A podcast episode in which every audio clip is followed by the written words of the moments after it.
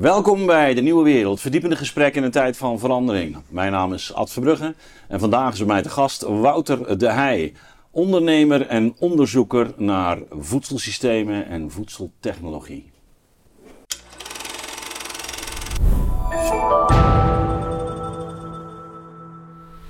Wouter, welkom weer.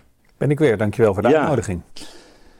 Ehm, het is heisa in Duitsland. De boeren zijn eh, de straat op, grote protesten. Ehm, het lijkt eigenlijk eh, dat het water hen eh, naar de lippen stijgt. Dan hoor je zoiets en zeggen: ja, diesel, dat gaat om een paar duizend. van waar al die drukte, die paar duizend euro per jaar. Eh, kun jij licht eens over laten schijnen? Wat is die situatie van die boeren in Duitsland? Over hoe, wat voor groep is het? Waar hebben ze mee te kampen?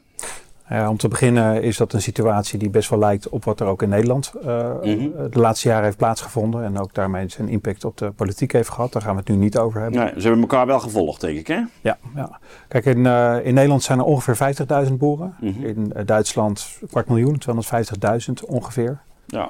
Eh, de boerenstand die neemt rap af. Dat zie je in Duitsland ook. eh, vooral door schaalvergroting. Eh, om de Nederlandse getallen te pakken, eh 25, 26 jaar geleden waren er nog 100.000 boeren. Er zijn nu 50.000. En diezelfde trend zie je ook in, eh, in, eh, in Duitsland. Hm. Er zijn nu nog 250.000 boeren. De voorspellingen gaan uit voor Duitsland dat er 100.000 boeren misschien nog zijn in 2040. Eh, dus dat is een enorme. Dus die eh, druk, die voelen ze. ja, die druk die voelen ze.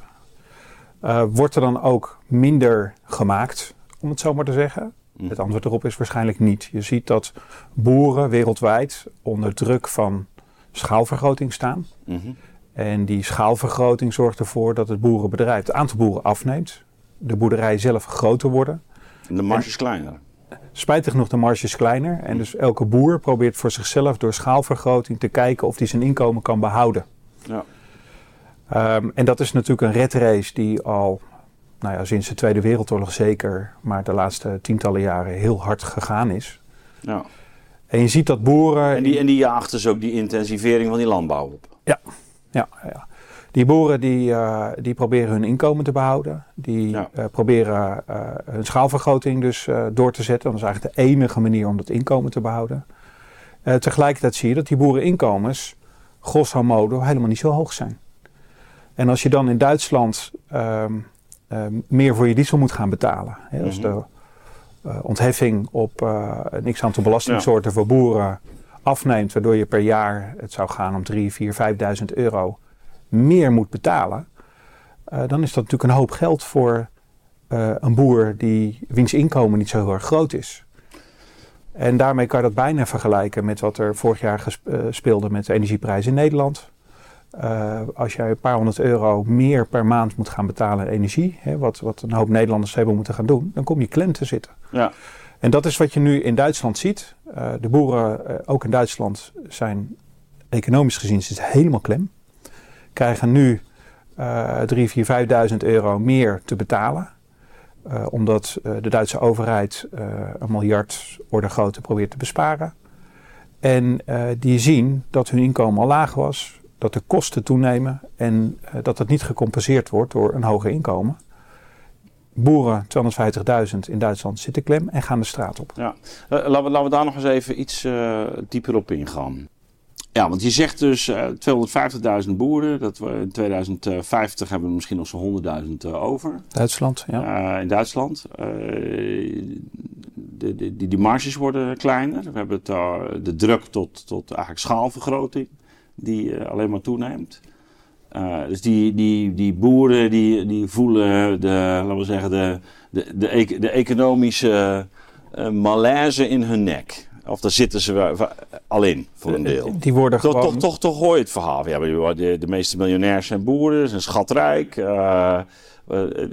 dus er is een soort discrepantie tussen het beeld dat wij hebben van boeren en, en, en kennelijk wat bij eh, een aanzienlijk deel in die sector leeft. Of wat, er- wat er echt aan de hand is. Kun, kun, kun je daar nog eens iets meer over zeggen? Want is het nou zo dat ze allemaal, of zijn er gewoon enkele schatrijk en eh, hebben de meerdere, eh, de, de meeste eigenlijk grote problemen? Hoe, hoe zit dat? Ja, dat is een heel goede vraag. Dat valt namelijk best wel veel over te zeggen. Mhm. Dus aan de ene kant is het zo dat het boereninkomen, grosso modo, niet extreem hoog is. Nee. Uh, en als je dan, uh, zoals nu in Duitsland, bedreigd lijkt te worden in je bestaanszekerheid, om dat woord Mhm. maar te gebruiken, waar ook Omzicht het veel over heeft, dan ga je de straat op. Het is aan de andere kant ook zo dat heel veel boeren, zowel in Duitsland als in Nederland, uh, theoretisch gezien of op de balans overwaarde hebben. Als jij je boerenbedrijf met grond van je ouders hebt overgenomen, Ja. um, dan vertegenwoordigt dat een hoeveelheid waarde. Ja. Zelfs als je, dat, uh, als je de hypotheeksom ervan afneemt, dan zie je dat inderdaad een hoop boeren uh, uh, door de overwaarde op ja, hun gronden. Puur, puur hun kapitaal. Ja. Ja.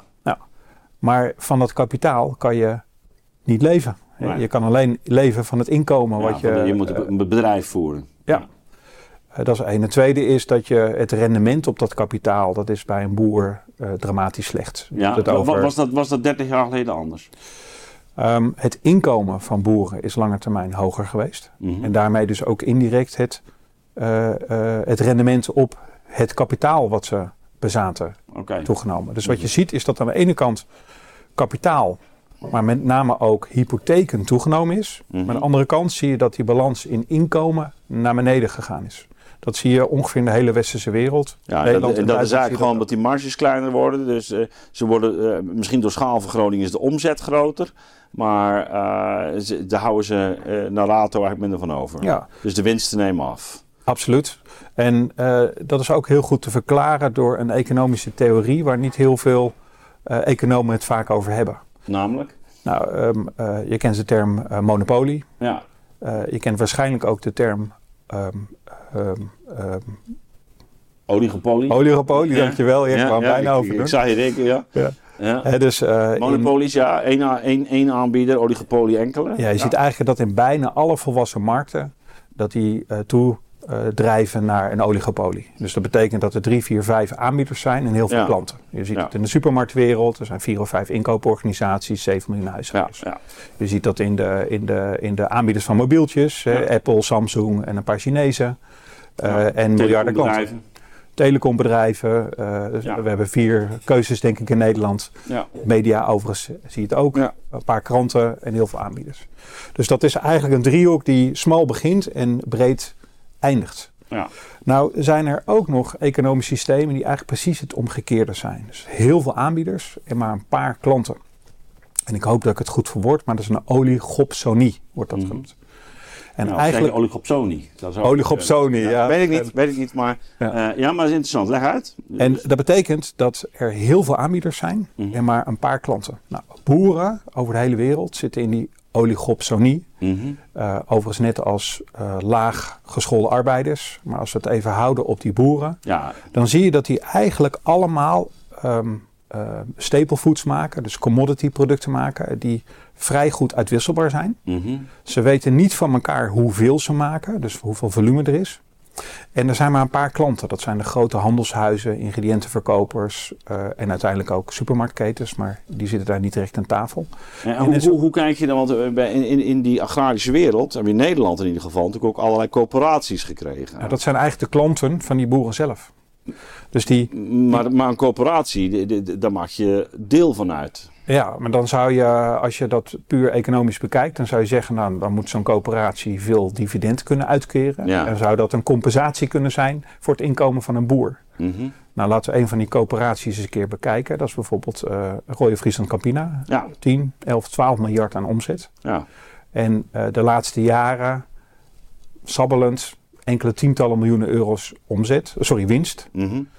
En als je dat gaat terugrekenen naar wat een boer daarvoor krijgt, dan heb je het over duizenden euro's als het meezit in de goede jaren.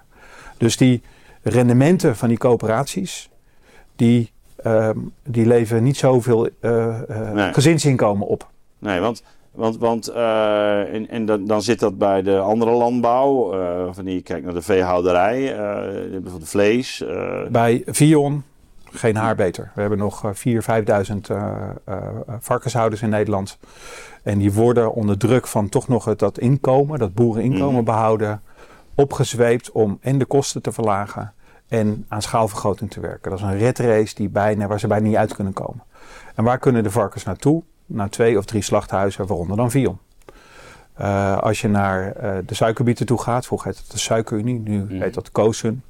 Idem dito. De hoeveelheid uh, verwerkende fabrieken om suiker te verwerken, suikerbieten te verwerken, is teruggebracht naar precies één. Maar nou, nou, als je nou kijkt naar de Nederlandse uh, landbouw, dan zie je dat we ook, ook met, met, met Mansholt, maar eigenlijk al in de 19e eeuw, al uh, vrij sterk hebben ingezet op innovatie. Ja. Uh, we, we, zien ook uh, verschillende bewegingen. Denk aan de ruilverkaveling, waardoor, waardoor je grotere bedrijven krijgt. Ook om juist ook die concurrentie aan te kunnen. En waarbij we die wereldmarkt al, al vroeg in het vizier hadden. Ja, dus je, ziet, je ziet eigenlijk in dat landbouwsysteem twee elementen. Je kan gaan verbijzonderen. Je kan iets gaan maken wat zo uniek is ja. dat anderen daarom vragen. Ja. Um, of je kan aan de kostenkant van de productie werken. Ja. En in die lijn van kostprijsverlaging zie je dat schaalvergroting, ruilverkaveling in twee of drie rondes na de Ja. Tweede Wereldoorlog, uh, grotere machines, Ja. met chemie gaan werken. Dat zijn allemaal aspecten om Ja. die kostprijs per eenheid product naar beneden te brengen. Ja, gewoon rendement op te voeren. Maar daarmee zie je dat elk van die boeren ten opzichte van elkaar elkaar opjutten om het net iets goedkoper te gaan maken. Dus de gemiddelde boer verdient zo, niet zo heel erg veel. Maar als ik nou net iets groter ben dan jij, dan kan ik net iets meer verdienen. Maar, maar, maar, maar dit is, Dat is die red wat, eh, dit is natuurlijk het traditioneel, we zeggen, dit is de, de tucht van de markt. Ja, maar uh, een gewone markt waarbij uh, het aantal aanbieders en het aantal klanten of het aantal vragers wat meer gestabiliseerd is. Mhm. Uh, dat zou je in een gewone perfecte markt zo kunnen zien. Maar in zo'n oligopsonie situatie, dat wordt ook in de literatuur de farmers problem genoemd, de farms problem genoemd, waar je dus heel veel aanbieders hebt en maar een paar klanten. Daar zie je dat je eigenlijk de prijs per eenheid per definitie zakt op de kostprijs of zelfs daaronder. Want als ik een boer ben, ik maak tarwe of ik maak suikerbieten. Maar je zou toch als coöperatie daar met elkaar toch kunnen afspreken van jongens, we gaan, die, die prijzen doen. als, of, of ik begrijp niet wat een coöperatie is hè, hier, of wat hij nog voorstelt. Nou, tot, tot, tot een paar jaar geleden eh, mochten coöperaties niet wat heet aan de volumeknop draaien. Dus die mochten geen afspraken maken met boeren. Ga nou niet te veel maken. Daar lijkt nu een kleine verandering in eh, eh, te gaan komen, waardoor dat wel kan. Maar daardoor kan dat aanbod van melk, van suikerbieten of welke gewas dan ook, zou je eh, wat kunnen reduceren. Maar wat, wat deden ze dan? Waardoor die prijs Want, omhoog gaat. Maar dat, toch dat even Wouter, verboden. Voor, Wouter, voor mij, voor mij toch, want ik probeer het gewoon scherp te krijgen. Ik begrijp, maar je zou zeggen, als je nou als boeren met, samen met elkaar een coöperatie opricht. Hè, en eh, ik, bijvoorbeeld van, eh, van veehouders. Eh, je noemde net Friesland Campina. Eh, d- dan zijn de eigenaren van, daarvan, dat zijn toch de boeren zelf, of niet? Ja, maar het is wel zo dat ook Friesland Campina eh, een, een separaat bedrijf is met eh, managers erin, eh, met hoogopgeleide mensen die dat, dat als een bedrijf runnen. En die hebben in eerste instantie de opdracht meegekregen om al het aanbod van melk te gaan verwerken tot kaas, tot poeder of andere producten. Ja. En ehm, zo'n coöperatie zou Mm. eigenlijk moeten kunnen zeggen: maak iets minder melk. Waardoor die prijs per eenheid wat omhoog gaat, want er wordt is bijvoorbeeld minder vraag. Nou, of wij gaan gewoon zeggen, jongens, dit, dit, dit, dit moet wel leefbaar blijven, want het is ons bedrijf. Eh, maar dat kan dan misschien niet omdat zo'n Friesland Campina weer moet concurreren of wedijveren met, met andere aanbieders. Friesland Campina zit dan weer klem aan de andere kant. Eh, die Ja. heeft te maken met eh, de, de Jumbo's en de Albert Heijnen van deze wereld. Ja, maar ook met de, de wereldmarkt. Of, Met de wereldmarkt. En er is een competitie tussen de merkeigenaren. Friesland Campina heeft nog heel veel merkzuivelproducten. En wat heet private label. Dus er is in, eh, in Nederland een bedrijf, het Aware van Jan Anker. Eh, die heeft bijvoorbeeld afspraken gemaakt dat alle huismerk melksoorten die Albert Heijn heeft, die komen bij Aware vandaan. Dus ook een Friesland Campina zit daarin best wel klem. Mm. Maar als je er aan de voorkant begint, ik bedoel, Maar die, en die huismerken, die, die kopen weer zelf die, bijvoorbeeld die melk in buiten die coöperaties. Ja. Ja. Dus dan zet je ze op die manier onder druk. Ja, dus boeren over de hele wereld, ook in Nederland en Duitsland, staan dus per definitie onder druk, onder enorme prijsdruk.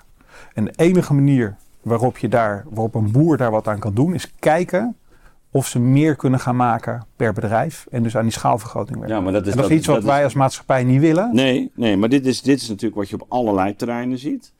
Uh, ik bedoel, tot en met uh, de, de wildgroei op universiteiten die met elkaar wedijveren en dan maar steeds groter en groter worden en alles in het Engels omzetten en, en met elkaar moeten concurreren. En, en, en we dachten natuurlijk al, uh, toch lange tijd, zeker vanaf de jaren 80, 90, van nee, maar dit is de manier om de consument tegemoet te komen. Want die krijgt lekkere lage prijzen. De, de, de, producenten worden gedwongen om te, te ja, slimme technologie toe te passen. eigenlijk een efficiency-slagen te maken. Maar bij die oligopolie is dat zo? Ja. Dus als jij als consument de keuze hebt tussen Vodafone, tussen, ja. tussen T-Mobile, oh, dat is er nu niet meer, en, en KPN. He, dan, dan zie je dat daar competitie tussen die grote bedrijven is in die oligopolie. En dat, dat drukt inderdaad waarschijnlijk wat die prijzen, waardoor jij en ik vrij goedkoop een 5G-abonnement kunnen afnemen. Ja. Maar dat is die situatie van veel, sorry, een paar aanbieders en heel veel klanten. Die boeren zitten exact in die andere fuik. Ja. Heel veel boeren die van elkaar niet weten hoeveel ze maken. En maar een paar fabrieken bij Friesland Campina, een paar slachthuizen, een paar handelshuizen. Dus het aantal klanten waar ze iets aan kunnen leveren is heel beperkt. Want ze leveren niet rechtstreeks naar jou en mij. Ze leveren aan de fabrieken. En dat betekent dus dat er per definitie een beetje te veel gemaakt wordt. En dat de prijs per eenheid altijd, vrijwel altijd op of onder kostprijs ja, zeker, zeker Op een paar uitzonderingen gelaten. Als er zeker, dat is natuurlijk heel slim geweest van, van die, uh, of slim, maar in ieder geval vanuit, vanuit marktperspectief. Uh, van die supermarkten met die huismerken te komen. Want bedoel, daardoor zet je natuurlijk ook gewoon die hele branche verder onder druk, toch? Uh, dat, dat, dat klopt. Er, was ja. dus, er is dus tientallen jaren lang een, een competitie geweest tussen de innovativiteit van de merkeigenaren. Ja. En huismerkeigenaren of huismerken die ja. daarop volgden. Hè. En je ziet nu dat ook die merken hebben het moeilijk. Die hebben het lastig. Hè. Zelfs de Unilevers van deze wereld, die, die, ja, die, die, die, die staan onder druk, financieel onder druk. Er is op dit moment een, eh, een grote golf van uh, reorganisaties aan de gang bij de multinationals, ook de merkeigenaren. Want die proberen ook die marges goed te houden. Dus je ziet competitie tussen uh, merkeigenaren en niet-merkeigenaren. Ja. Dus private label wordt dat genoemd ja. in de merkeigenaren. Je ziet dat het aantal supermarktketens uh, gereduceerd is tot die beroemde oligopolie. Ja. Er zijn eigenlijk nog maar vier grote in Nederland. Ja. Vier inkooporganisaties. Um, dat heeft ertoe geleid dat jij en ik heel weinig van ons inkomen aan, aan eten hoeven uit te geven. Ja, dat is hè, de prijzen voor, voor de consument. Dat is voor consument dat heel fijn. Maar de andere kant van de medaille is, is dat boeren die toch eigenlijk de, de bulk ingrediënten maken, de, de, ja, de, de producten maken waar ons voedsel van gemaakt wordt, dat die jaar in jaar uit onder druk worden gezet om aan schaalvergroting te werken. Tientallen jaren ging dat ook ten nadele van de natuur ja. van hun eigen gezondheid. En dat komt omdat die oligopsonie aan die kant Ja, maar het is een soort roofbouw hè, die we aan het plegen zijn. Ja, maar die roofbouw heb je, nou, ander voorbeeld is arbeid, arbeidsmigranten, uh, niet ja. Uh, hoogopgeleide mensen. Mensen die, die eigenlijk alleen met handjes kunnen werken, die komen uit Polen, Bulgarije en die gaan in het Westland werken. Daar zijn er ook net iets te veel van, waardoor ook uh, nou ja, die trage situaties van huisvesting van arbeidsmigranten bijvoorbeeld naar voren komt. Daar zie je ook veel aanbod weinig plekken waar ze kunnen werken. En dat is ook een, een vorm van die oligopsonie die boeren hebben. Die boeren maken heel veel product. Agro-commodities worden ze genoemd. Um, uh, van elkaar weten ze niet hoeveel ze maken. Er hoeft maar 1 of 2 procent te veel in de markt te ontstaan. Ja, dan de prijs per eenheid gaat naar beneden. Ja. En dat komt omdat ze maar... En ze moeten van hun spul af. Als jij ja. rauwe melk hebt, dat moet binnen vier, dagen verwerkt, vier dagen verwerkt worden. Ja. Nou, die situatie heb je niet alleen in Nederland en in Duitsland voor versproducten, maar die is eigenlijk wereldwijd zo. Dus ook op, op de staple foods, granen, aardappels, mm. uh, uh, oliehoudende gewassen, rijst, zie je dat er een enorme druk is om die prijs per één. Nee, de, de, de, zie je dat er eigenlijk te veel gemaakt wordt, heel veel aanbod is. En dat die prijs per eenheid eigenlijk op of onder kostprijs zit. Ja, en dan kun je natuurlijk, dat werkt natuurlijk zolang je een, uh, zeker een technologische voorsprong hebt. Hè, dan kun je zeggen, nou ja, dan kun je makkelijk op die wereldmarkt concurreren. Dan zit je in de voordeelspositie, om het zo maar te noemen. En dan kun je ook in een relatief welvarende samenleving als boer kun je nog meedraaien, omdat jij vanwege die hoge technologie eigenlijk een, een, een, een, een efficiëntieslag kunt maken die ze elders niet kunnen doen. Maar op het moment dat die technologie natuurlijk geïmplementeerd raakt, En, en je ziet ook dat buitenlandse bedrijven reusachtige eh, eh, boerderijen openen in Oekraïne of in. eh, je, je, je hebt eigenlijk twee dingen. ja, Dus aan de ene kant zie je dat er, hè, dus, dus, dus een, een Nederlandse melkverhouder heeft bijvoorbeeld 120 koeien. ja, Nou, wij noemen dat een megastal in Nederland. Ja, dat is lachwekkend. Dat, als je- dat is lachwekkend laag als je naar Amerika toe Ja, gaat, waar je het over 3000, 1000 of, ja. of 2000 koeien hebt. ja, Eh, een, een grote varkenshouder in Nederland heeft eh 6, 7, 8, 9000 varkens. Lachwekkend als je ziet wat er in Oost-Europa of in Amerika gebeurt, waar je het over 50.000 varkens hebt. Eh, als je naar eieren gaat kijken, eh, de, de, de, de eitjes uit Oekraïne, die zijn 40, 50 procent goedkoper dan wij ooit in Nederland kunnen doen. Eh, dus als straks de markt weer verder open gaat, als die oorlog daar voorbij is, dan worden wij nog meer overspoeld met dit goedkope product. Dus aan de ene kant zie je dat er altijd een plek is in de wereld waar de schaalvergroting nog verder doorgaat. En dus de prijs per eenheid daar nog lager is. Ook omdat arbeid lager is of omdat grond lager is. Dat is één. Het tweede is die technologie waar je het over had. Waar je normaal van hoopt en verwacht dat dat een economische voorsprong geeft. Ja. Die wordt natuurlijk sneller dan ooit ook in arme landen toegepast. dat is nu wat globalisering is. Dus snel dus, eh, kennis delen, technieken dus- toepassen. Als je nu gaat kijken naar wat eh, de top 5 aan mobiele telefoontjes is, er zit Ja. op Apple na een Amerikaans merk mee in. En de Chinezen zijn als een gek ook Samsung aan het inhalen. Dus Ja. die technologieadaptatie, ook in andere landen, die gaat sneller dan ooit. Dat is een onderdeel van die globalisering. En daar hebben boeren ook last van. Dus dat is, dat, zijn de, dat is het tweede element. Dan heb je nog een derde element. Wij in de westerse wereld verlangen van die boeren dat ze duurzamer gaan worden. Ja. Eh, dat ze diervriendelijker gaan worden Ja. dat eh, er bijzondere producten gaan worden. Dus wij, wij eisen als maatschappij dat hier de kosten nog eens een keertje omhoog gaan. En in Duitsland vragen ze dan de laatste weken... eh, ja, ga maar iets meer voor je diesel betalen. Ja, want, dus jij eh, zegt maar een paar duizend euro. Dat is toch ook logisch, want je moet meedoen met de vergroening. Dus eh, dat, dan heb je alleen maar een extra impuls om ook. eh, dus die drie elementen samen, schaalvergroting die zich doorzet in de rest van de wereld. Eh, eh, eh, de technologieadaptatie die sneller dan ooit gaat, waardoor je concurrentievoordeel wat we hadden of konden hebben, eigenlijk niet, misschien heb je nog een jaar of twee jaar, maar eigenlijk niet meer er is. En tegelijkertijd de druk om ja, verder te verduurzamen eh, eh, eh, in, in West-Europa met name, waardoor de kosten voor een boer Mm. omhoog gaan. Die optelsom bij elkaar zorgt ervoor, ik zou het ook doen als ik boer was geweest, je gaat de straat op. Ja. Je kan Ja. je kinderen niet meer Ja. voeden. Of Nou, kan misschien, je- nog een, misschien nog een element. Ik zat hier een, een maand of wat geleden met Wouter van Dieren. En dit was een voor mij een zeer verhelderend gesprek. En die zei ook, ja, dus heel de, de, de omschakeling bijvoorbeeld naar groene energie. Hè? Dus die, die, die werkt in bepaalde sectoren, maar landbouw is heel lastig.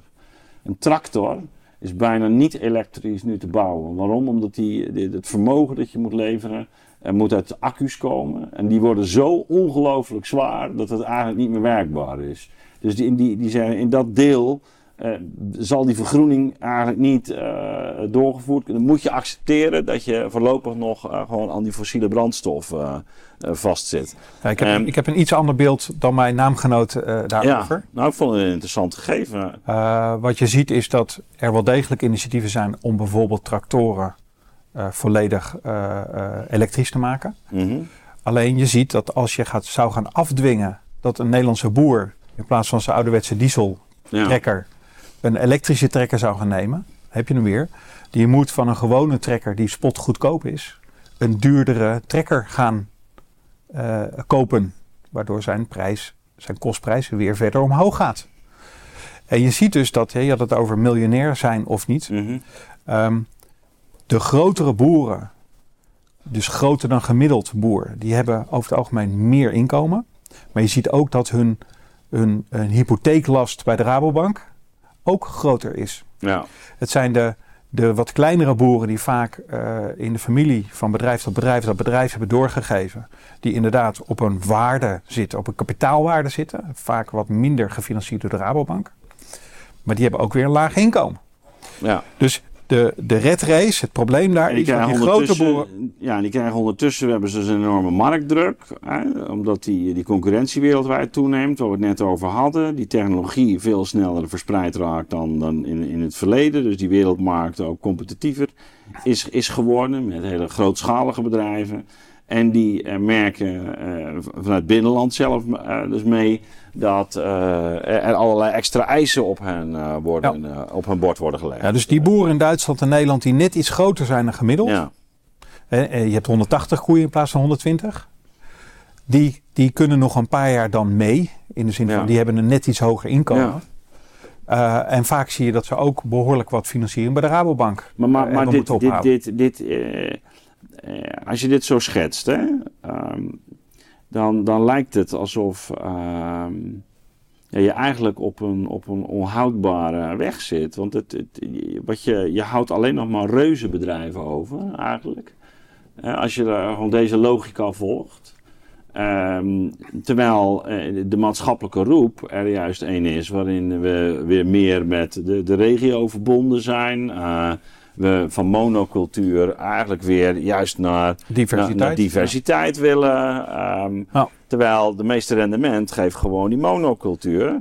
We moeten iets gaan doen wat, wat eigenlijk anti-liberaal is. En anti... Wij zullen een spreekwoordelijk hek om Europa en of om Nederland weer heen moeten zetten. En laat maar even dat voorbeeld van arbeidsmigratie als voorbeeld pakken. Stel Mhm. dat wij zouden zeggen dat eh, iedereen uit Afrika naar Nederland zou mogen komen. Want het is goed om goedkope arbeidskrachten te hebben. Wat gaat dat betekenen voor het aanbod van het aantal arbeidskrachten? En wat gaat dat betekenen voor het inkomen aan de onderkant van eh, de, de, de, de, de groep? Ja, Nou, je voelt hem al aan. Dan gaan mensen, die, die, gaan, die gaan nog meer polohotels hebben waar mensen met, met elkaar op een hutje zitten te wonen. Die prijs gaat naar beneden. En dat is met boeren net zo. Als je gaat toestaan dat wij spul van buiten Europa gaan halen. ja, eh, Er gaat altijd een plek in de wereld zijn waar het goedkoper kan. ja. En dus, dus omdat dat zo is. eh, eh, en, en tegelijkertijd die maatschappelijke roep die je hebt. Als die maatschappelijke Ja. roep, als we die door willen zetten. Dan zullen wij iets moeten doen om die markt te beschermen. ja. En misschien wel Ja. importheffingen werken. ja. Maar dat was natuurlijk lange tijd uit en boze. Dat is lang, is dat, eh, hè, onder Rutte is dat een populair om Ja. daar even, was dat inderdaad uit en boze. En ik ben zelf een ondernemer, dus aan de, Ja. ene, aan de ene kant zeg je later een vrije markt zijn. Maar als je duurzaamheid, eerlijkheid, fairheid en lokaliteit. En als je ook het, het platteland en, en samenleving daarin wil beschermen, dan moet je daar iets tegen doen. Ja. Zoals er een minimumloon is voor, eh, voor, voor, voor arbeid. Oké, la- laten we dan nu terug gaan weer naar Duitsland. We zien dus die grote boerenprotesten. de, de sector van 250.000 eh, eh, boeren. Ja, de Eh, indirecte effecten zijn natuurlijk veel groter. Ja, dan hebben we het over families. hè. 250.000 bedrijven. Grosso modo familiebedrijven. Ja, Ja. van familiebedrijven. Ehm, die, eh, die hebben dus te maken met, met situaties zoals ze nu schetsen. Eh, er komt bij oorlog, oorlog in Oekraïne met, met ook nog veel eh, landbouwproducten die, eh, die eh, vanuit Oekraïne Duitsland binnen, binnenkomen. Hè. Dus dat voelen ze ook nog. Eh, Ja. en, en, en kennelijk is het echt genoeg voor, voor deze mensen. Dat is de... Wat, wat, wat, wat, moet hier gebeuren? Want het, is, het, is, het, het, lijkt er toch wel op dat dit een, een onder- onderdeel is van, laten we zeggen, een grotere eh, verzet tegen eh, nou ja, het proces van globalisering. Eh, zoals we dat de afgelopen decennia hebben gehad. Eh, de rol van Europa daarbinnen, dat merk je ook. Hè. AFD komt enorm op in Duitsland. eh, steunt ook deze acties natuurlijk. Misschien deels opportunistisch. Ehm, maar wat, wat je zegt, het, het, het lijkt eigenlijk alsof we een soort trendbreuk. Het- dat we eigenlijk geforceerd worden om iets te gaan doen wat, wat lange tijd niet kon. Heel lang hebben we gedacht, dan stutten we de inkomens. Ja, Er wordt eh 60 of 70 miljard aan, aan Europese middelen over de boeren in Europa heen, heen eh, eh, gestort. maar ja, die subsidies zijn ook al een vorm van, eh, toch? Die, die brandstoffen is ook al een vorm van stutten. Ja, maar het hele punt is dat wat, dat zorgt er niet voor dat Nee. de inkomens Nee, op orde precies, zijn. Want je gaat voorbij aan het systeem van die oligopsonie. Ja, Want die boeren krijgen allemaal die subsidies. ja het maakt niet uit dus. Nee, en dus maakt het niet uit. Het enige die er voordeel bij heeft, is jij en ik. Ja. Want dat, dat, dat voedsel is relatief goedkoop. Ja, Dus het stutten van inkomen ja, vanuit Brussel gaat niet tot een oplossing leiden. Sterker nog, daar gaan eh, bedrijven in Afrika of, of buiten Europa van mopperen.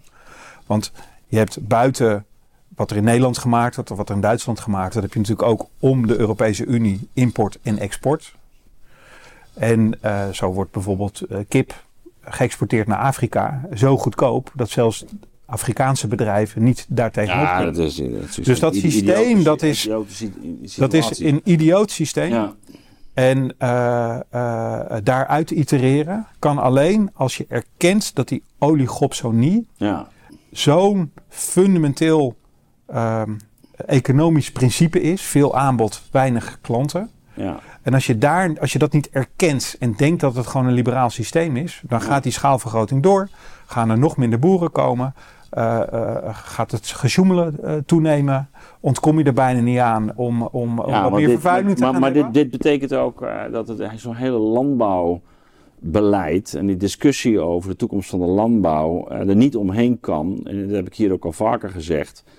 Eh, om, om toch het hele principe van die, van die vrije markt. eh, niet dat je het helemaal overhoop gooit, maar dat, dat je de, de beginselen zoals we die toch de afgelopen decennia hebben gehanteerd. Dat, Het- dat, je, het- dat je die al, eh, ter discussie moet gaan stellen. er- er zijn denkers die vinden dat de boereneconomie een speciaal soort economie is. Ja. Maar als je er echt diep in duikt, dan ontkom je er niet aan om daar veel voorzichtiger mee om te gaan. Inderdaad, niet te denken het is een vrije markt. ja. Uh, en onszelf ook de vraag te stellen, willen wij rondom food security. Dus voedselzekerheid op lange termijn. Maar waarom komt, wordt dit, komt dit gesprek niet op gang? Nou ja, wij, wij, wij hebben net de tientallen jaren, uh, wat je zegt, globalisering en liberalisering. Eh, we zijn het gewoon niet meer gewend. Wij zijn niet meer gewend om na te denken over wat voor impact het beleid heeft op midden- en lange termijn. Wat, het, wat voor impact het voor de boeren heeft, voor de, voor de, voor de mensen die, die buiten de Randstad wonen. Ja, ja, ja. Wat voor impact het heeft voor natuur. Maar, maar je hoort het eigenlijk ook, en ik denk dat. eh, ik- heb hier ook regelmatig mensen met een kleinbedrijf. En eh, dan is het verhaal toch steeds van. We zien eigenlijk dat er een druk is vanuit Europa, vanuit regelgeving in Europa. Die, die het steeds moeilijker maakt voor, voor eigenlijk de, de, gewoon de midden- en kleinbedrijven om te overleven. Eh, dat je eh, aan de ene kant heb je dus de wereldmarkt en de enorme concurrenties. En moet, dus moet je schalen, je moet opschalen, je moet eh, groter en groter worden. Aan de andere kant heb je allerlei regels rond ICT, rond milieuvoorzieningen. iets wat je eigenlijk gewoon als klein bedrijfje helemaal niet meer aan kan. Dus wat hou je over? En, eh, ja, bijna zoals in ten tijde van het eh, communisme. Eh, niet meer zozeer de individuele ondernemer, maar allemaal mega grote bedrijven. Als je dan nu bedenkt dat iemand als Bill Gates overal land opkoopt. Hè, is een van de grootste grondbezitters ter wereld. Dan denk je van ja, dat gaat alles is aan het schalen. Dus je krijgt een soort massale ontwikkeling. En, en dat midden-kleinbedrijf, wat toch een heel eigen, ook, ook culturele en sociale rol speelt. Dat, dat heeft het toch wel heel zwaar te verduren. Ja, dus, dus, dus er zijn markten die je misschien echt wel uh, mondiaal kan houden. He, dus wij hoeven echt niet meer uh, Ja. die, die mobieltjes als Die dat voorbeeld. Dat is, We eh, zien ja. dat prima. Maar gelukkig is het denken in Europa en Amerika er weer van nou misschien moeten we wel zorgen dat ASML niet te snel verdwijnt. En dat we ook weer chips zelf gaan maken. Om een ander voorbeeld te geven. Ja.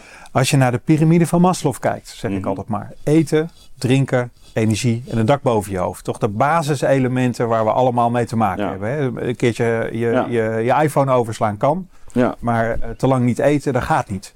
ja. Nou, dat is ook wel eens goed hoor. Maar eh, je boodschap is duidelijk. Ja. En je wil die samenleving wil je, wil je een beetje vriendelijk houden. Ik hoop. Dan moet je toch zorgen dat je ook op eten en food security... eh, ja, niet te veel afhankelijk bent van nou ja, buiten Europa of buiten Nederland. Hoe, hoe kijk je nu naar Europa of vanuit, vanuit dit perspectief? Is, is deze discussie al een beetje op gang gekomen? Nou, ik, ik, ik, ik zit behoorlijk lang in dit agrofood systeem. eh, Ja. en en ik, ik verbaas me erover dat eh, wij geen food security visie hebben. Of Ja. een agrofood visie hebben over hoe dat in, op lange termijn wel eh, in de lucht kan blijven. Eh, ik persoonlijk vind het van belang dat wij eh, eh, op het gebied van food security in Europa op zijn minst het goed blijven doen.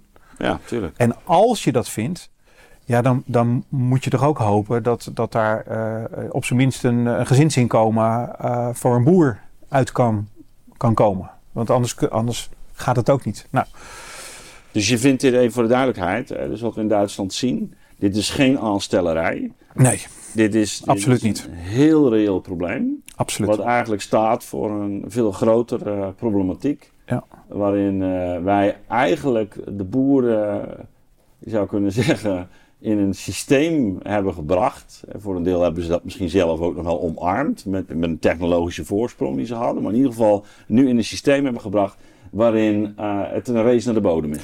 Absoluut. En ook hier is de geschiedenis best interessant. Je weet dat na de Tweede Wereldoorlog wij een minister ja. kregen, meneer Mansholt. Ja.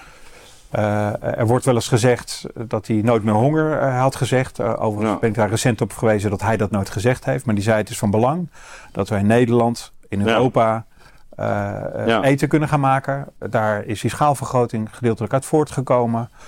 daar zijn de, de ruilverkaveling uit voortgekomen. Het praktijkonderzoek uit Wageningen of in Wageningen uh, heeft ertoe geleid dat er beter zaad kwam, dat er betere tractoren kwamen, dat er slachthuizen komen. Dat was nu allemaal goed. Echter aan het eind van zijn politieke leven heeft Mansholt uh, uh, gezien dat dat systeem toen al ontspoord was. Hij kreeg, lief, toen de... hij kreeg een liefje volgens mij. Uh, daar zijn verschillende verhalen over. Uh, dat is, maar die, die zat in de, in de milieu of in de groene beweging. Ja, maar je zag een paar dingen. En die heeft toen, hem de ogen geopend. Dus een de, soort, soort, soort anima, een soort engel. We hadden, we hadden toen ook nog de boterbergen. Ja. Hè, ja. en en, en de, de silo's in de suiker. En, en letterlijk varkensvlees. Ja, wat, ja, ik, wat, ik las dat een tijdje In combinatie met, met de chemie. Ja. en, en de toen al impact op, nadelige impact op natuur heeft ertoe geleid dat hij aan het einde van, ja. zijn, van zijn carrière inderdaad zag dat dat al begon te ontsporen, dat dat ontspoord was. Ja, was dat en die analyse klopt natuurlijk. Alleen dan zeggen, wat we dan de laatste twintig jaar gedaan hebben, jij boer moet dan maar schoner en duurzamer gaan werken. Zonder te erkennen dat het ook met het inkomen van de boer te maken heeft. In een mondiale daar, context. Maar daar, maar daar, begint het wel mee. Daar begint het wel mee. Ik, ik, ik, ik had gisteren een lezing in, uh, in uh, Terneuzen. En ik werd op een gegeven moment, uh, ik zal geen namen noemen, aangesproken door iemand die ik al lang, lange tijd ken. En die, die ook binnen politiek nog een, een zekere rol heeft gespeeld. En die zei me, ja, in Zeeuws-Vlaanderen heeft de PVV ontzettend hoog gescoord. Hè? En, en ik, ik, heb in mijn boek De Gezagscrisis nou toch voor een deel ook, laten we zeggen, de context geschetst van waaruit je die, die opkomst van dat populisme kunt begrijpen. En ik had dus daar een verhaal over en hij kwam in de pauze naar me toe en zei, ja, nee, ik was heel gefascineerd. En zei, ja, maar, het laatste, ik ik realiseer me ook, ik, ik, ik heb eigenlijk, dit, ik heb hier zelf, ik heb dit zelf mede teweeggebracht. Uh, ik zei, ja, dat is. Uh, ik, nou, ik vind het dapper dat je het zegt. Hè? Maar ik zei, dat is wel. En je hebt er ook in geloofd in die periode. Maar, maar het begint natuurlijk wel met het onderkennen daarvan. Dat je zegt van, wacht even. Die, die trekkers die er allemaal staan. Hè? Uh, of, of het nou bij de Brandenburger Toren is. Of, of, of hier in Den Haag. Ja, daar, daar hebben natuurlijk allerlei mensen aan meegewerkt. Dat, in de zin van, het is niet alleen maar, zijn die gekke boeren. Hè, die, uh, die, uh, die eigenlijk verwend zijn. Of zo. Nee, we hebben, en dat is mij ook altijd gestoord. Uh, even, even los van of je het nou helemaal met ze eens bent of niet. Maar we hebben ze natuurlijk ook wel in een, in een, in een pakket gebracht. waarin het water hen nu aan, aan, aan de lippen staat. Dus wat is die uitdrukking? De kanarie in de kolenmijn? Ja, dat, dat is het. het. Dit zijn voor mij zijn het allemaal weak signals, zeggen ze dan Ja. in de systeemkunde, die je zeer serieus moet nemen. Ja, maar wat, je zegt de boeren zijn, boeren zijn kanarie in de. Vind je dat echt? En, ja, dat, dat, absoluut. Ja, ja, ja, absoluut. Ziet- waarom dan specifiek? Nou, omdat die ervaren, omdat het vaak eh, zelfstandige ondernemers zijn, die ervaren die stress, die financiële stress per direct. Ja. En aan de ene kant willen ze hard werken en gaan ze nog een beetje door, nog een beetje door, Ja, dan maar minder inkomen. keiharde werkers, hè, over het algemeen. 70 uur, 60 Ja, uur per week. En als ze de straat omgaan, dan is er echt iets fundamenteel aan de gang. Ja. En dan snel zeggen, ja, 2.000, 3.000 euro voor die diesel, waar hebben we het over? ja. Nee, er is wat aan de hand. En ik denk, eh, daarom noem ik dat de kanarie in de kolenmijn. We gaan nu merken, ik denk dit jaar gaat het economisch echt minder goed. ja. Eh, wie gaan dat, wie buiten de boeren, wie, wie gaat dat meemaken? Dat zijn de ZZP'ers die eh, eh, eigenlijk niet een unieke positie hebben. Als jij Python eh, kan programmeren, dan kan je Ja. 150 euro per uur vragen. Dat geloof Ja. ik wel. Maar er zijn in de, in de bouw, eh, in het Westland, zijn natuurlijk enorm veel mensen die, die per dag bijna niet eens weten wat ze verdienen. Op of onder het minimumloon. Veel aanbod erop. Eh, daar, daar zie je dat de stress al gaat toenemen. Uh, ik zie in mijn omgeving dat de tijd van de hoogopgeleiden die bij een multinational of bij de overheid de rest van hun leven in schaal 12, 13, 14 of 15 konden werken, die, die beginnen allemaal te voelen dat hun bestaanszekerheid ook achteruit gaat. Dus ik ga dat niet te veel doortrekken, maar die bestaanszekerheid. dus jij kan jij... Wat, wat, er met die boeren nu aan de hand is, dat, dat is een indicatie voor wat er eigenlijk maatschappij breed. Uh, ja, dat is wat ik denk. Ja. En, en dat is echt de, een schaduwzijde van, nou ja, wat, wat we nou globalisering noemen. Hè, want daar hebben we het in feite over. Het samenspel van een sterk financiële logica, technologie, open wereldmarkten. Uh, dus dat, die op allerlei terreinen tegenkomt. En het niet erkennen dat er dus verschillende economische systemen zijn. Ja, Oligopolie, oligopsonie. Ja. Uh, en, en dat je je af moet gaan vragen welke waarden als samenleving moet je blijven beschermen. Ja. En dus, dus ik denk dat wij ik hoop dat wij boeren- en landbouwsystemen in Nederland blijven houden. En dat we niet toegaan naar een situatie zoals uh, in Singapore. Waar ze in de laatste 30, 40 jaar bedacht hebben dat ze geen boeren meer nodig hadden. En volledig afhankelijk zijn van import van voedsel. Nou, ze hebben het geweten in het COVID-jaar. Nieuw plan gemaakt, 2030. Singapore willen ze weer 15% zelf productie gaan maken. Dus ik doe dat ook. Engeland in feite ook, hè? Engeland is natuurlijk ook, eh, de boer ook. Uh, ja. Die zijn ook heel erg afhankelijk van, uh, van import. En nou, zeer afhankelijk. Ja. De Engelse situatie is trouwens nog wel een andere, omdat eigenlijk boeren daar zelden hun land hadden. Dus in Duitsland, Nederland, nou ja, Frankrijk zelfstandige boeren. waren zelfstandigen die nog bezit hadden. En in, in, in, in, in Engeland was dat klassiek de adel, die eigenlijk ja. uh, land verpachtte aan de boeren. Dus dat is nog een situatie een klein beetje anders is. Maar wat je ziet is Um, dat, ik denk dat we terug moeten gaan naar die uh, ja, eigenlijk maatschappelijke waardes. Ja. Waarbij, uh, uh, ik wil niet veel over stad versus platteland nee, hebben. Nee, maar goed. Maar die, die maken wat er gebeurt in het oosten, het noorden en het, en het, het van, van, Nederland. ik denk dat wij heel voorzichtig moeten zijn om, ik noem het spelletje economische micro te spelen. Nog een paar boeren eruit, who cares? Of laat ze maar een beetje groter worden. Of laat ze maar wat meer op de import zitten en minder op de export. Vroeg of laat stort dat systeem in. Als dat economische systeem stort, mm. start het sociale systeem om. Kan je ook niet meer de scholen in de, in de, in de omgeving hebben. Heb je niet meer... Uh, ja, maar dat is zeg maar... De, de, dus daar hangt het allemaal samen. dus dat inkomen, en die, die, die ook verboeren voor die zelfstandige MKB-bedrijven. Als dat er niet meer is, dan, dan, dan gaat er veel meer kapot. Ja, dus daarom noem ik dat toch wel een beetje de, kanarie, de in de kolenmijn. Ja, nee, maar dat is een mooi, mooi beeld. En het is denk ik ook um, denk onderschat in, in die hele discussie ook rond, rond stikstof uh, die we in Nederland hebben gevoerd. Dat het, het feit dat daar zo op gereageerd wordt, ook alles te maken heeft met die stress waaronder die sector staat. Dat het dat niet zomaar van, oh nee, is een...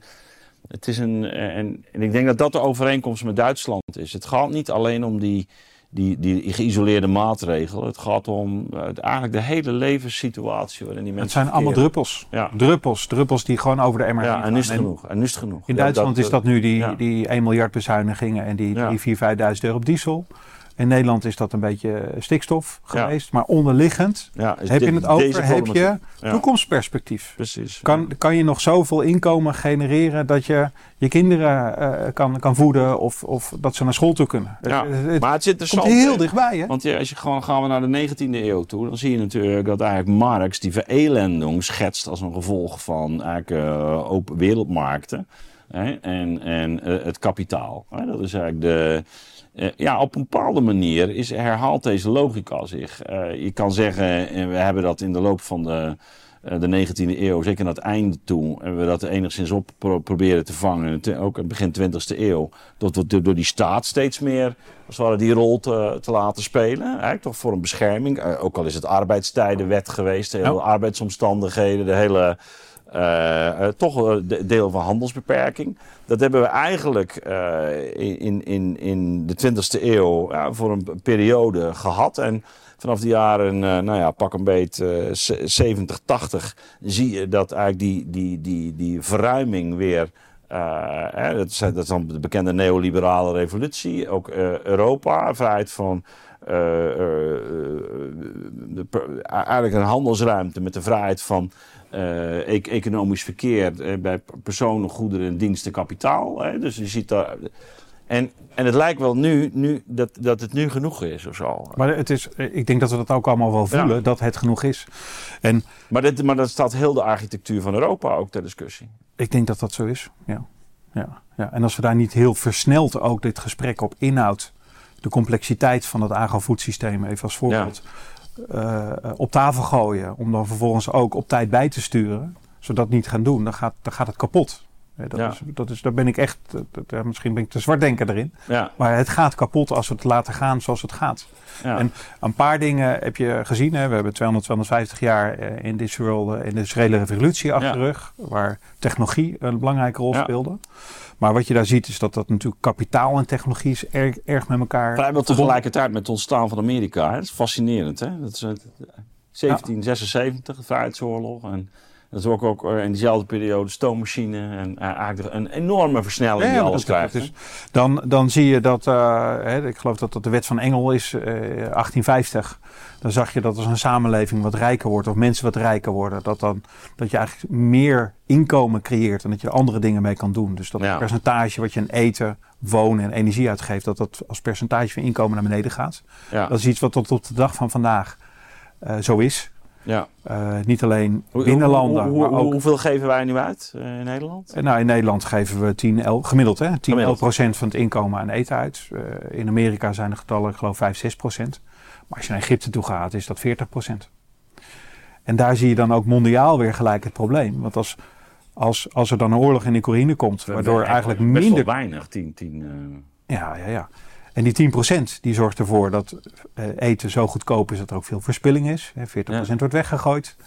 Ehm, eh, eh, maar aan de andere kant, dus Egypte, zie je 40 procent. En als je dan een situatie hebt dat de broodprijs omhoog gaat met 10, 20, 30 procent, dan grijpt dat gelijk in op zo'n zo'n inkomen van een gemiddeld Egyptenaar. Ja, maar ook, ook dus bij de, de mensen die aan de onderkant zitten. Want die geven natuurlijk nou, eigenlijk naar verhouding meer uit. En inderdaad, dat wordt vaak niet erkend. Dat als jij een minimumloon hebt, of, of, of 120% Ja. van het minimumloon, als dan eh, eh, de etensprijzen, hè, er is een enorme inflatie ook op eten Ja, geweest, 10, 20%. Zegt uh, groente, Eh, het- energie, eieren ook. Het, eieren zijn, ik geloof, vier, vijf keer of acht keer duurder geworden. Dat is niet te geloven. Dat is niet te geloven.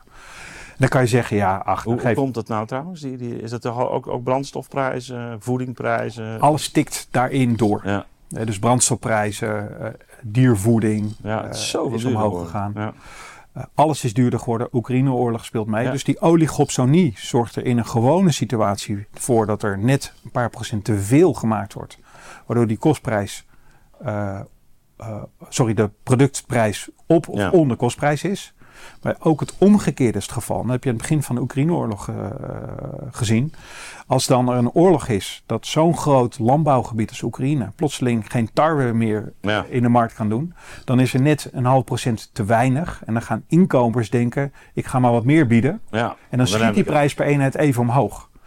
Maar als jij een minimuminkomen hebt in Nederland in de laatste twee jaar, je ziet dat die voedselprijzen met 20% orde groot omhoog zijn gegaan. Je ziet dat de brandstofprijzen met een factor 3 of energieprijzen met een factor 3 omhoog zijn gegaan. En je hield dan niks over aan het eind van de maand, dan heb je een probleem in Ja. Nederland. Ja, En- en, dat is en natuurlijk, dat dat is is- natuurlijk ook dat- bizar. Want als je kijkt naar de huizenprijzen hè, eh, in, in, in, in Nederland. Hè, en, en je zet dat af tegen en de stijging van de huizenprijzen. Er is natuurlijk ook een grote discussie geweest over hoe je inflatie moet meten. Hè, maar als je kijkt eh, in de begin jaren negentig naar de, naar de huizenprijzen en wat ze nu zijn geworden. eh, dat is gigantisch. Ik ben geen econoom, maar we Ja. hebben natuurlijk een situatie gehad tot een anderhalf jaar geleden dat de rente ongeveer Ja. nul was. Ja, En zelfs negatief tot op zekere hoogte. En dat heeft een stuk van die huizenprijzen verklaard. Buiten het feit dat er natuurlijk nog 400.000, 500.000 mensen bijgekomen ja maar je zijn ziet dus, dus, dus precies, en eh, absoluut. Hè, dus ook de, de, de vraag is natuurlijk enorm toegenomen. In tien jaar is bijna een miljoen. Dus, dus de vraag is enorm toegenomen. Maar ehm, eh, je ziet dus tegelijkertijd dat, dat eh, die, die, die marges op die voeding ste- steeds verder afgekapt. Maar daardoor maak je dus eigenlijk dat, dat leven voor, een, eh, de- de- ja, voor die boeren maak je steeds zwaarder. Dus je... eh, ja, we, we zitten toch in een, als, als- alsof je segmenten van je samenleving aan het uitwonen bent. Hè? En maar dat is het gewoon. Het is gewoon het uitwonen. Het is een exact het juiste woord. Ja. Het uitwonen van, eh, nou in dit geval 50.000 boeren. Een stuk van die samenleving. Dat is wat we aan het doen zijn. Ja, En je hebt nog even terug over die huizenprijzen. Als jij leraar bent ja, in Amsterdam, dan kan je geen huis kopen. Dan moet jij of in Almere een huis huren en elke dag eh, een uur in de trein zitten om naar je school toe te gaan. Of je zegt op een gegeven moment, waarom ben ik hier nog leraar in Amsterdam? Ja. Ik ga, Ja. wel, ik ga Ja. wel terug naar... Nee, maar dit is, dit is, dit is, een, mooi, dit is een mooi voorbeeld. Hè. En, eh, ik, ik, eh, ik, ik behandel met mijn studenten ook altijd eh, de politica van Aristoteles. Eh, in het kader van een college Globalisering en Cultuur. Eh, dat is de, ehm, de masterfilosofie van cultuur en bestuur. En eh, dan le- lezen we ook nog altijd een stukje van, van Aristoteles. Is overigens een inspiratiebron geweest voor Marx. Eh, Ik ben geen Marxist hoor, maar, maar die, die, waar Aristoteles een onderscheid maakt tussen wat hij noemt grammatistica. Eh, dat is dan zoiets als vermogensvorming. En, ehm en oikonomia. En, en is eigenlijk gewoon je huis op orde houden. Dat is een, het op orde houden van je huis. En, en dat is wat anders dan die grammatistica. Natuurlijk is het belangrijk dat je inkomsten verwerft. En, maar je kan wel zeggen dat bij ons die financiële economie... die is zo dominant geworden. En, het, en daarmee ook toch... eh, ook, ook, nou ja, ook maar gewoon zeggen... de BlackRocks van deze wereld...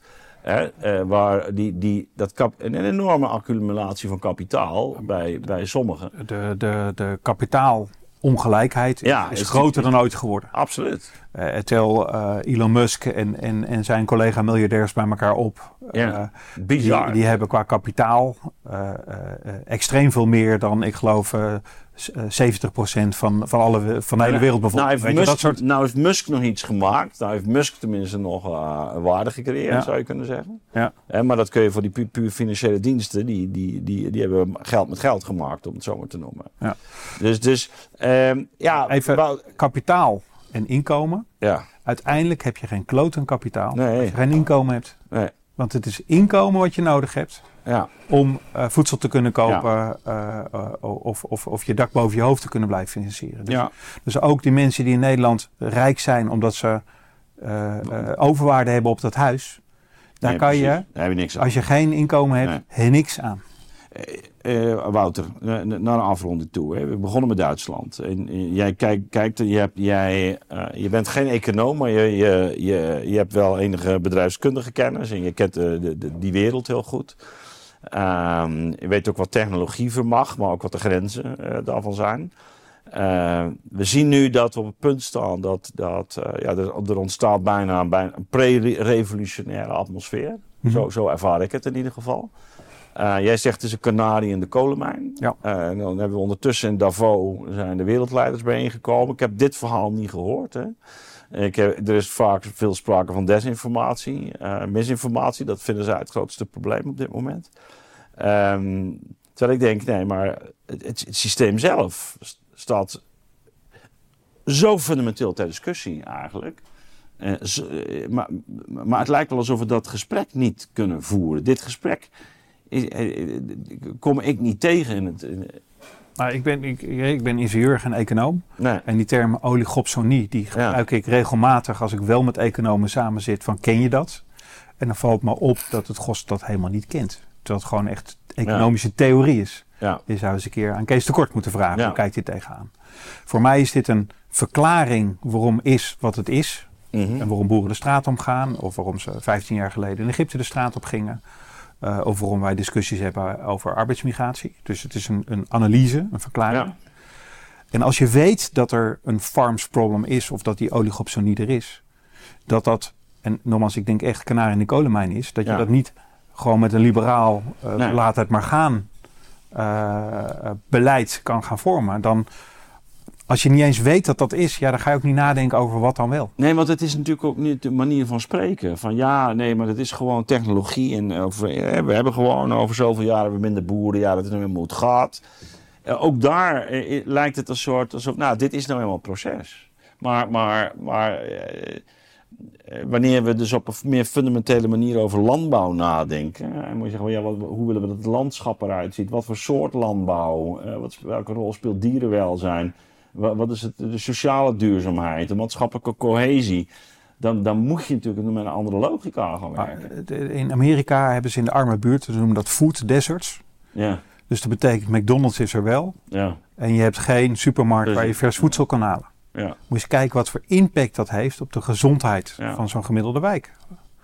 Uh, we, van de week is bekend geworden dat het preventieakkoord uit 2018 niks heeft opgeleverd. Uh, we hadden gehoopt dat we qua roken, qua drankgebruik, ja. qua obesitas, dat dat allemaal de goede kant op ging. Obesitas in Nederland in vijf jaar tijd toegenomen. Ja, absoluut. Ja. Uh, wat zijn de goedkoopste producten? Dat zijn de staple foods waar heel veel koolhydraten, suiker in zitten, tarweachtige producten. Als je arm bent, ga je bezuinigen op groenten, misschien zelfs op vlees. En je gaat leven op brood en tarwe en suikerhoudende zaken. Ja, gewoon supermarktvoedsel. Uh, ga kijken wat dat betekent in Amerika in de arme wijken. Ga kijken wat het in India of in Cairo betekent. Ja, allemaal, als jij gaat allemaal leven. bewerkt voedsel. Allemaal bewerkt voedsel. Dus die impact is financieel-economisch. Maar die heeft ook rechtstreeks te maken met hoe gezond uh, de samenleving is. En als dan Ehm, ja, ik mag de term onderkant van de samenleving, maar degene die minder inkomen hebben, daar krijg je dus een, een, een trickle-down effect naar beneden toe.